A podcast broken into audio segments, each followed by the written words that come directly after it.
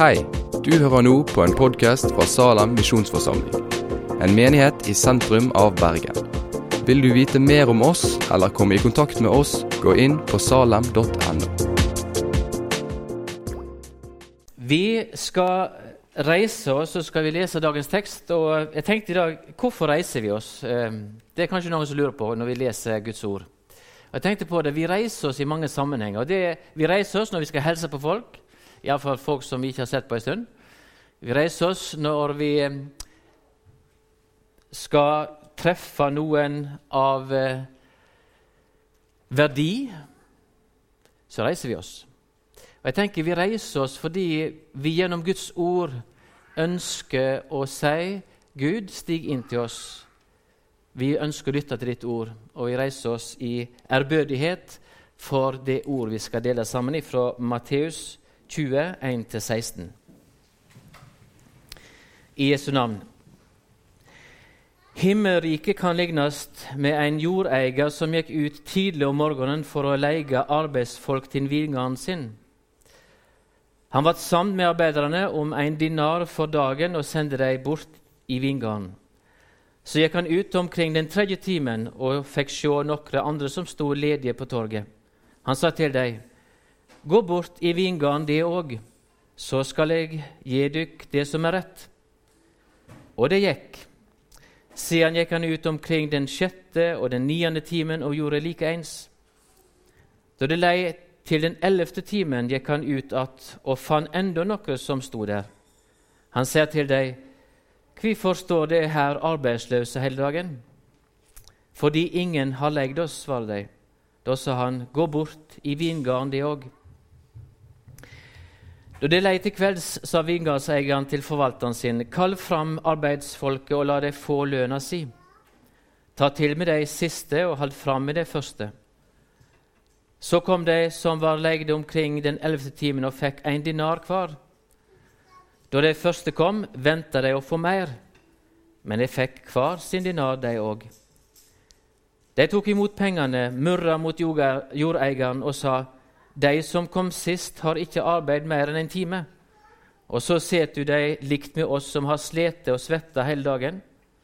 Han sa til en av dem, Ven, jeg gir deg ikke urett. Var vi ikke samd om en dinar? Ta ditt og gå. Men jeg vil gi han som kom sist, like mye som deg. Har jeg ikke lov å gjøre som jeg vil med det som er mitt? Eller ser du med vonde øyne på at jeg er god? Såleis skal det siste bli det første, og det første det siste. Himmelske Far, helg oss i din sanning, for ditt ord er sanning. Amen. Det er vel eh, lite som eh, vekker mer engasjement, frustrasjon og kanskje sinne enn urettferdige lønnssystemer. Ehm, de fleste er villige til å gå veldig langt i å kreve sin rett når de føler at de får urett, behandling eller utbetaling eller rettigheter i forhold til det de føler de har rett til. Og vårens lønnsoppgjør fører jo som oftest til påfølgende streik 'Jeg har ikke fått det jeg eh, fortjener', og med påfølgende lidelse for den tredje uskyldige part som blir stående enten uten transport eller uten helsetjeneste eller andre oppgaver. Jeg tenkte når jeg satt og forberedte meg til tenkte jeg at det, det, er godt jeg er ansatt i en organisasjon, for vi, vi streiker ikke. og Vi har ikke så, vi har ikke så mye å streike Vi har mye å streike for når det gjelder lønn, men jeg tenkte liksom, ok, hvis jeg skulle slått i bordet og si jeg nekter å preike hvis ikke jeg får høyere lønn, så kunne jeg risikere at det satt noen i forsamlingen som sa hviska misjonens ledelse i ørene ikke gi en mann høyere lønn. Men, men eh, det var en spøk. I teksten vår Det som også er interessant, synes jeg, det er at eh, du vil jo aldri finne noen som streiker fordi de har for høy lønn. Jeg har fått for høy lønn. Jeg må få redusert lønn. Det er liksom en uttenkt tanke i vårt, vår verden.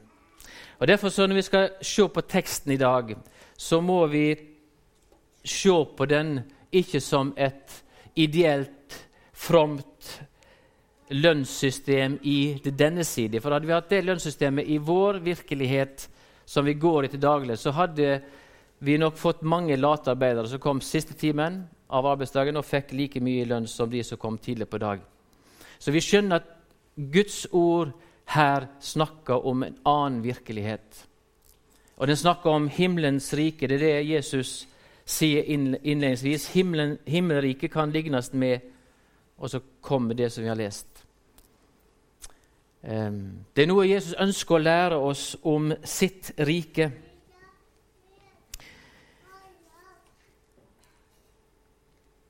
Og Jesus ønsker å lære oss noe om hvordan fungerer dette riket, himmelriket eller Guds rike. Det første vi kan slå fast, det er at i Guds rike så er lønn etter innsats etter, eller lønn etter fortjeneste er ikke et gjeldende prinsipp. Det tror jeg vi alle skjønner ut ifra teksten, at vi får ikke som fortjent eller ut ifra innsats. Og for, for, å gå rett på sak alle som kommer inn i Guds rike, får løfte om akkurat den samme utbetaling uansett hva tid du kom inn i Guds rike. Og det er Guds nåde. Og I dag skal de få høre mye om nåde både i talen her, men få antakeligvis mer utdyping om det i søndagsskole for voksne etterpå. Det er jeg veldig glad for. Guds lønn, det er Hans nåde. Den ubetinga nåde, den som er gratis, den som er ufortjent, det er det du får løfte om, og jeg fikk løfte om når vi steg inn i Guds rike. Jeg har lyst til å si tre ting om nåden i, som er et stort tema. Men jeg har lyst til å trekke fram tre ting eh, i det jeg har lyst til å si i dag.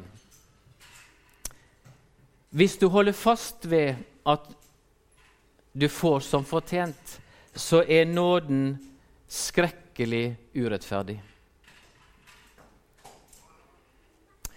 En person som har levd hele livet bort fra Gud, bortvendt fra Gud, kanskje i opposisjon til Gud, men på sitt dødsleie roper om nåde, så får han den samme lønn som du og jeg, som kanskje har levd hele livet som Jesu etterfølgere, som har ofra mye for Guds rike, tenker vi.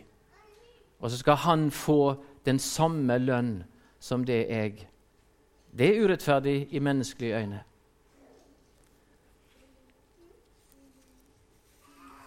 Og Når noen skal karikere kristendommen, så er det ett av punktene de griper tak i. Det er enkelt å være kristen, for der kan du leve som en dritt hele livet, og så bare du ber om nåde, så er alt ok.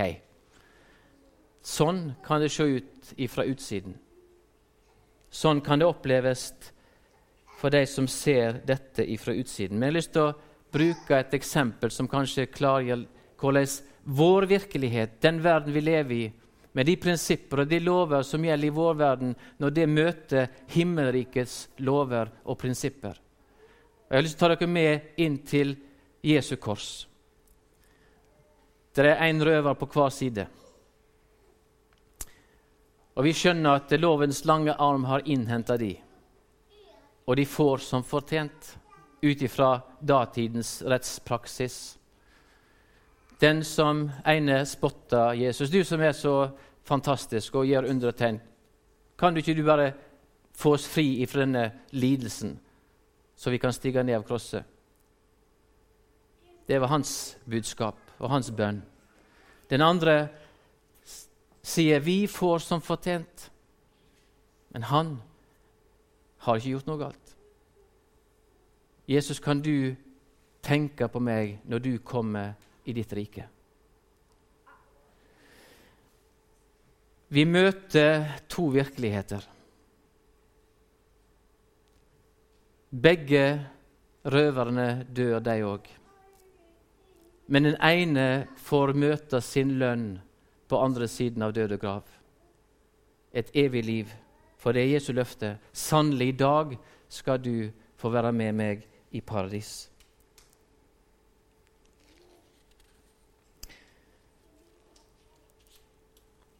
Og denne lønn den gjelder for alle mennesker som ved tro tar imot Jesus Kristus og det han har gjort.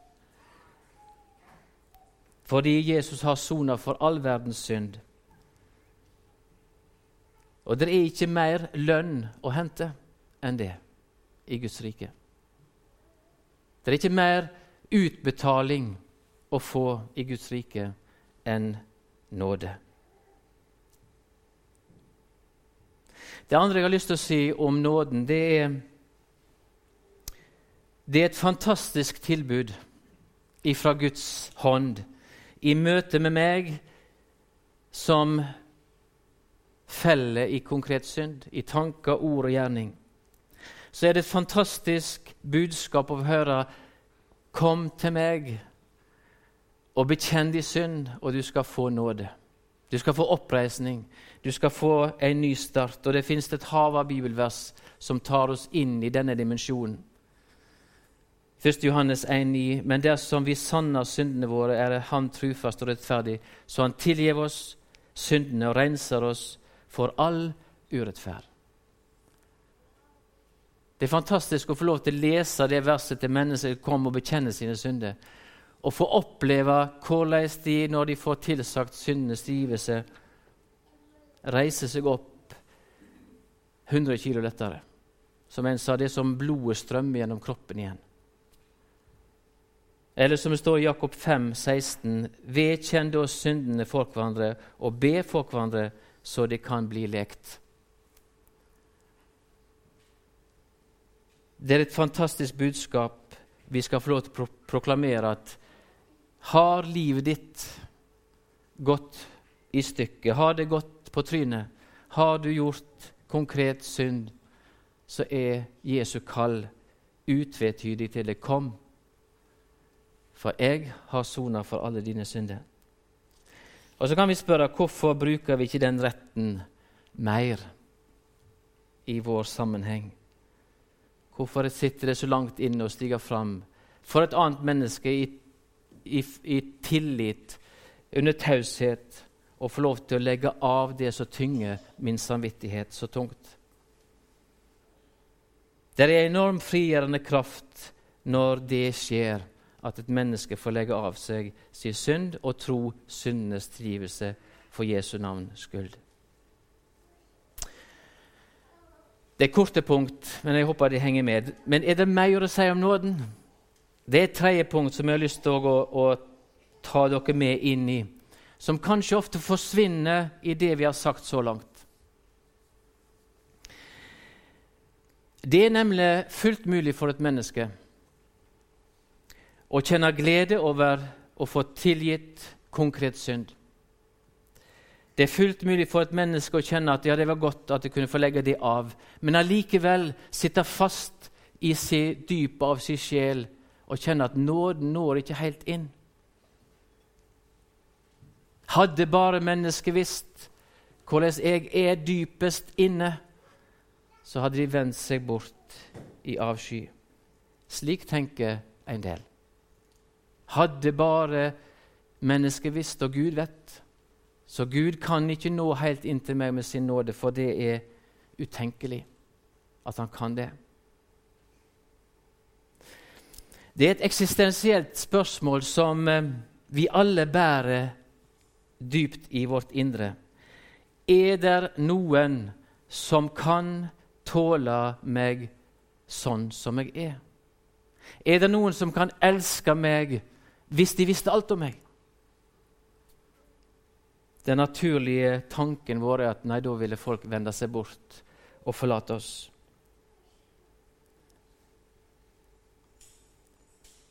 Frykten for å bli avvist, frykten for at folk skal snu ryggen til, frykten for avsky sitter så dypt at vi tar på oss maske etter maske for å skjule oss for andre. Men bak alle våre masker så bærer vi et dyp, dyp lengsel. Tenk om det var ett menneske som visste alt om meg, og likevel elsker meg. Nåden i Kristus tilbyr deg denne kjærlighet. prøv å la det sige. Nåden i Kristus tilbyr deg denne kjærlighet.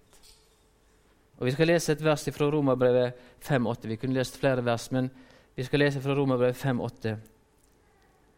Men Gud viste sin kjærlighet til oss ved at Kristus døde for oss medan vi enda var syndere. Vi skal lese det en gang til. Men Gud viser sin kjærlighet til oss ved at Kristus døde for oss medan vi enda var syndere. Hva betyr det? Det betyr at lenge før du og jeg tenkte en kristen tanke eller hadde interesse av Gud, så elsker han deg.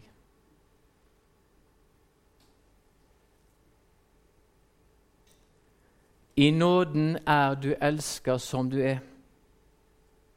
Og av hvilken grunn er det Gud elsker deg før du tenkte på Han? Var det fordi du var et fantastisk menneske, eller er et fantastisk menneske?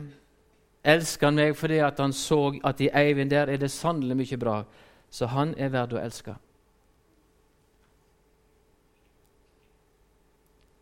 Jeg tror ikke vi fullt ut forstår, og det sier jo Skriften òg, dybdene i Guds nåde. Hvor omslutta vi er som hele mennesket i denne nåde. Og igjen har jeg lyst til å bruke et eksempel fra Skriften som kanskje synliggjør dette mer. Det som har lest Guds ord og lytta til en del forkynnelser, har sikkert hørt om denne kvinna som blir grepen i hor og dratt fram for fariseerne, og de står der med steinene i hendene, klar til steinene. Hun er forberedt på å få lønn etter fortjeneste. Det var datidens lov. Men Jesus er der òg. Det som hun drev på med i mørket, som ingen andre skulle få innsyn i, det blir dratt fram i lyset. Og den menneskelige reaksjonen er tydelig.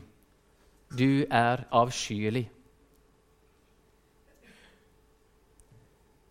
Jesus bøyer seg ned og skriver i sanden.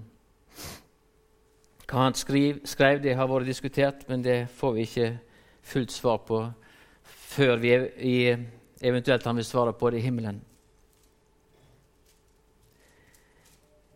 Men han sier noe som viser med all tydelighet at Jesus kjenner deg og meg til bunns.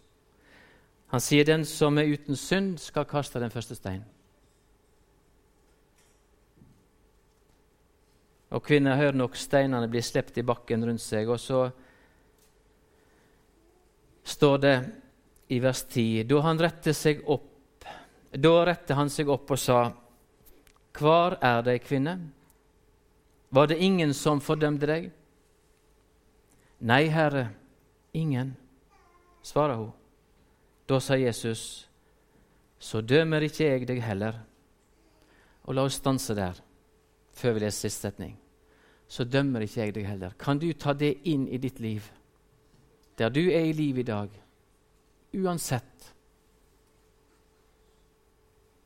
hva som er skjult av mørket, og skjønne at Jesus dømmer deg ikke?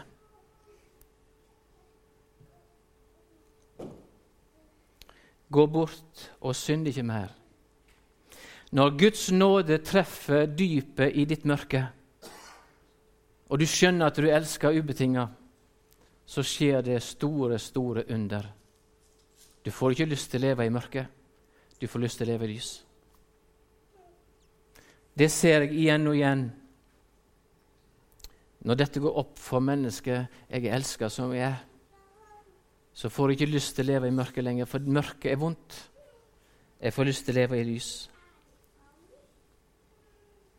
Og dette under er det bare evangeliet som kan gi deg. Loven kan ikke skape dette livet i deg.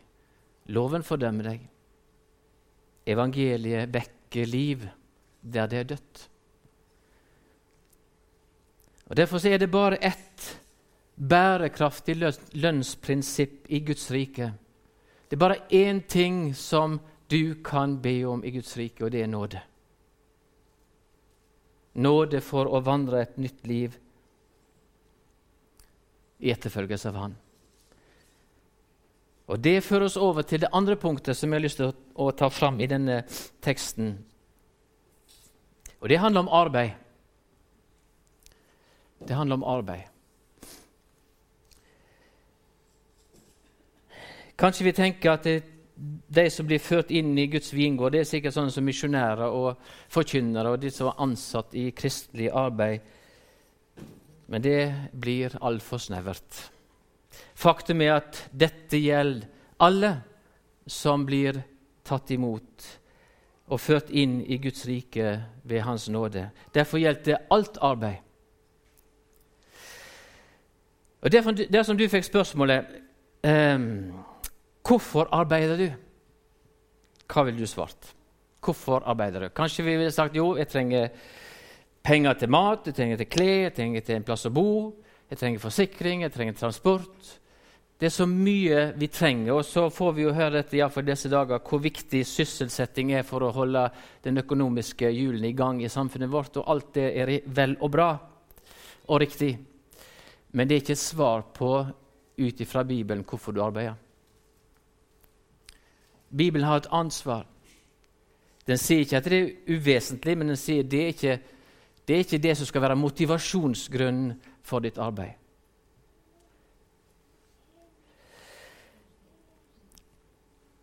For Jesus ville sagt, Hvis vi ga sånne svar, så ville han sagt det som du svarer der, det er sånn som hedningene bekymrer seg for. Det er det som hedningene bruker som motivasjonsfaktor. At du skal få penger så du kan kjøpe mat og klær og hus og alt du trenger. Jesus svar, hva er det, da? Det kommer i Matteus 6, 32-33. For alt dette er heidningene opptatt av, sier Jesus. Men Far dykker i himmelen veit at de trenger alt dette. Søk først Guds rike og Hans rettferd, så skal de få alt det andre i tillegg. Og Kanskje har du som meg over mange år tenkt at ok, da må jeg ta Bibelen og så må jeg lese, grave og, og be, og så skal alt det andre liksom bli bare ført inn på bordet. Eller Jeg tror selvfølgelig at det er en god, god ting å gjøre, men jeg tror dette også handler om hvordan vi skal arbeide. Og er det noe sted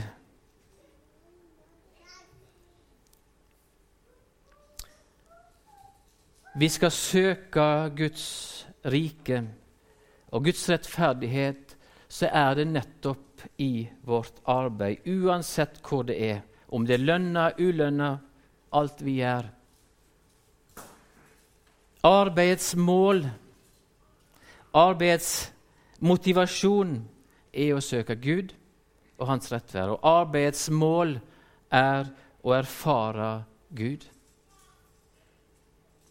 Og La oss bruke igjen et eksempel. Det er veldig greit å bruke eksempel fra Skriften, for det er det ofte litt mer tydelig. Jeg har lyst til å ta dere med til Josef, eh, inn i Josef sitt liv.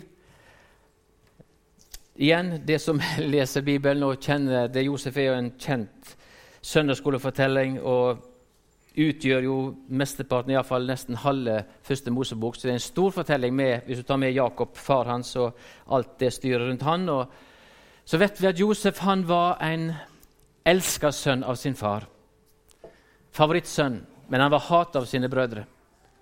Så hata at de var i ferd med å ta livet av han. Og Til slutt så ble han solgt til Egypt som slave, og han kom inn i Potifars hus. Potifar var ja, eh, sjefen for vaktstyrken til farao. Og Potifar sier noe det står i Bibelen Potifar så at Gud var med Josef. Hvordan så han det? Var det en glorie rundt hodet hans som liksom skein og sa at oi, det må være noe spesielt med deg? Eller var det en spesiell kledning han hadde som sa at Gud er med deg? Kan, Gud, kan arbeidsgiveren din, dine medarbeidere, se at Gud er med deg på arbeidsplassen? Kan de se det på meg? at Gud er med meg på arbeidsplassen?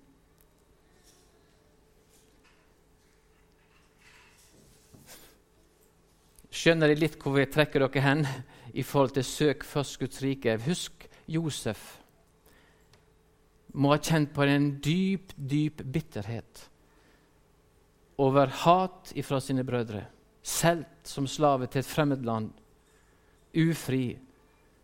Men i den tjeneste han ble ført inn i, så så de rundt, de, rundt han at her er en som søker Gud. Her er en som det er synlig på hører til Gud. På arbeidsplassene våre så det er mer enn nødvendig å synliggjøre Guds rettferdighet. Og Josef fikk et moralsk dilemma på arbeidsplassen sin. For Potifars kone, hustru, vakker kvinne, la sin elsk på han. Og Josef var òg en vakker mann, for han var sønn av Rakel, denne nydelige kvinna som Jakob jobba 14 år på, i fall sånn som vi tenker ut ifra det vi leser, for å få. Så han var en vakker mann. Ville du dømt Josef om han falt for fristelsen? Hvis du hadde vært i hans sko, uten kjærlighet, ikke et lite håp om nærhet, så kommer denne kvinna og elsker han Iallfall seksuelt.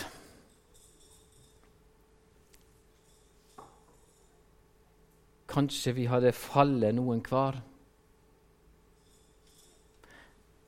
Men Josef står. Jeg sier ikke at ikke han kjente fristelsen, at han ikke var noe dypt i han også lengtet etter denne nærheten, men han sto. Og hva var hans motivasjonsfaktor på arbeidsplassen? Jeg søker Gud, Guds rike først, og hans rettferdighet. Og så kjenner vi historien videre. Det blir falske anklager. Han blir kastet i fengsel. Og så kommer bakeren og munnskjenken til farao, blir kastet i fengsel for et eller annet galt de har gjort. De har drømmer. Josef tyr drømmene. Bakeren kom til å bli henrettet, munnskjenken skal bli sett fri. Og Så sier Josef til munnskjenken, kan du si til farao at jeg sitter egentlig i fengsel på feil grunnlag? Jeg sitter her, Det er urettferdig at jeg sitter her. Kan du si til farao at eh, jeg må slippes fri? Jeg tror ikke vi kan sette oss inn en gang, begynne å sette oss inn en gang i den situasjonen han må kjenne på i et fremmedlad, hat av sine brødre, satt i fengsel på urettmessig grunn. Og så venter han på at noen skal komme og banke på døra inn til fengselet og si hei, jeg må ha tak i Josef. Han venter én dag, to dager, tre dager. Er det noen som husker hvor lenge han satt før han ble hentet ut? To år. To år sitter han og venter. Jeg håper jeg klarer å male for dere litt hva som står på spill her når Guds ord sier 'søk først Guds rike og hans rettferdighet', så skal de få alt de andre i tillegg. Hans Nilsen Hauge kjenner de fleste av oss, og hans vekkelse i Norge. Han eide sjøl over 40 bedrifter. Han hadde tilsyn med over 90. Brutto nasjonalprodukt økte med ganske mange prosent når denne tanken kom inn i bedriftslivet. Søk først Guds rike og hans rettferdighet. Så skal de få alt dette i tillegg.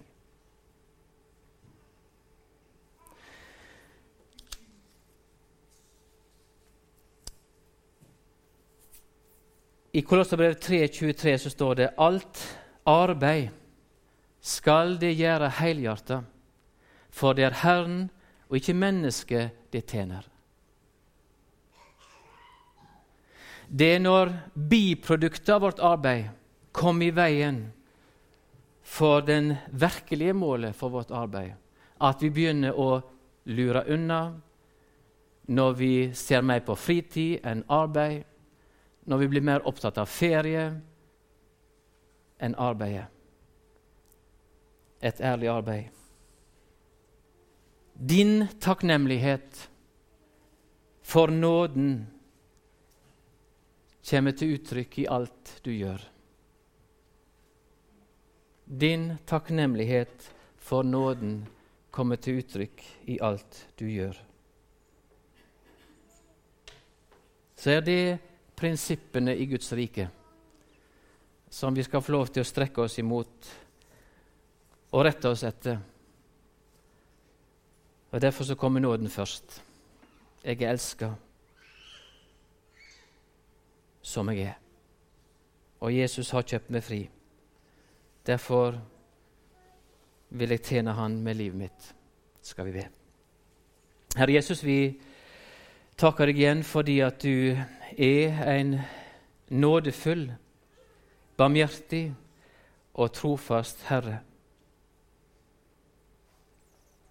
Herre Jesus, vi ber om at det vi har fått delt sammen, at vi kan få ta det med oss ut i hverdagen vår. At ikke bare det som har med ditt rike å gjøre, blir noe som vi kjenner på og tenker på når vi er her inne, men virker det når vi er der vi er i det daglige. På arbeidsplass, i heim, skole, kamerater, venner, venninner. I alle relasjoner at vi kjenner at vi søker deg først, og din rettferdighet. Og la det være det styrende prinsipp for vår liv. Herre Jesus, hjelp oss ved din gode Hellige Amen.